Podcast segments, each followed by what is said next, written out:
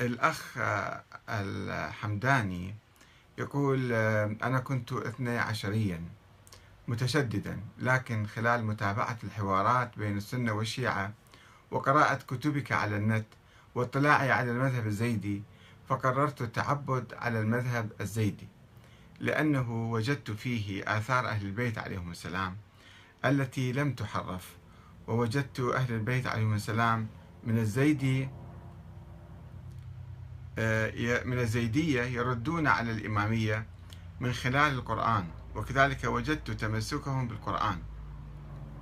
ولم أجد عندهم الغلو والتفسير الباطني لذلك قررت أن أكون زيديا. شيخنا ما رأيك بمذهب الزيدي؟ وهل فعلا هم نواصب؟ كما يدعي الإمامية الاثنى عشرية إذا كانوا فعلا نواصب لماذا؟ لماذا إيران تدعم الحوثيين الزيدية في اليمن؟ أتمنى الإجابة تحياتي. ولهذا الأخ آه، العزيز الحمداني الذي لم يذكر اسمه مع الأسف الشديد حتى نتعرف عليه جيدا أقول له أن الشيعة لا يقولون ولا يتهمون الزيدية بأنهم نواصب ولا عامة السنة. النواصب فئة صغيرة هي التي تعادي أهل البيت وكانت تقاتل أهل البيت. هؤلاء فقط يسموهم أهل آه، نواصب. أما عامة المسلمين فهم أخوة لنا جميعا. وكما يقول السيد السيستاني حفظه الله هم لا تقولوا أخوتنا قولوا أنفسنا.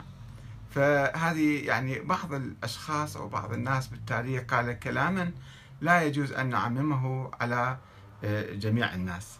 ونعتبر هذا موقف شيعي دائم وثابت وإلى أبد الآبدين. آه، ثانيا إن موضوع المذهب الزيدي. آه، في الحقيقة يعني المذهب الزيدي هو مذهب أهل البيت الأول. لم يكونوا يعتقدون أهل البيت بوجود نص عليهم من الله ولا بأنهم معصومون ولا أنهم الإمامة حكر عليهم في عائلتهم. ولكن حدثت عند بعض أتباع أهل البيت نظريات مختلفة مثل نظرية الإمامة التي ألصقوها بأهل البيت وأهل البيت منهم منها براء لا يعرفونها.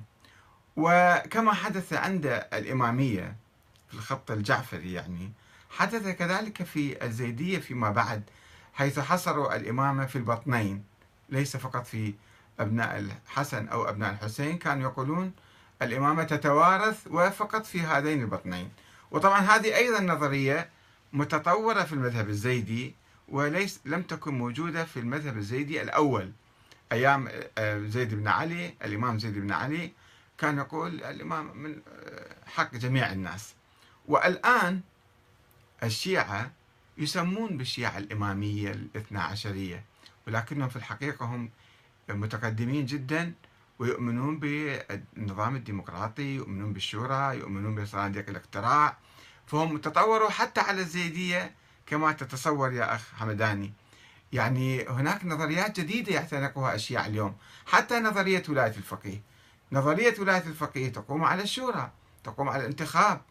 ونشهد أن في إيران انتخابات دائما انتخابات آه، خبراء انتخابات آه، مجلس نواب انتخابات رئاسة الجمهورية فالآن لم يبقى من الشيعة إلا الاسم وبعض المسائل الفقهية وبعض المسائل آه، القشرية والبسيطة.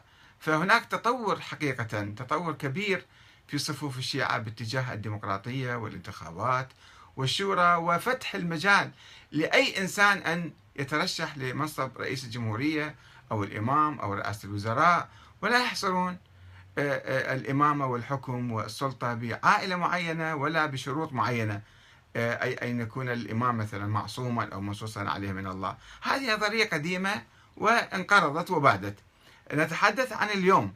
اليوم هناك تطور كبير في الساحة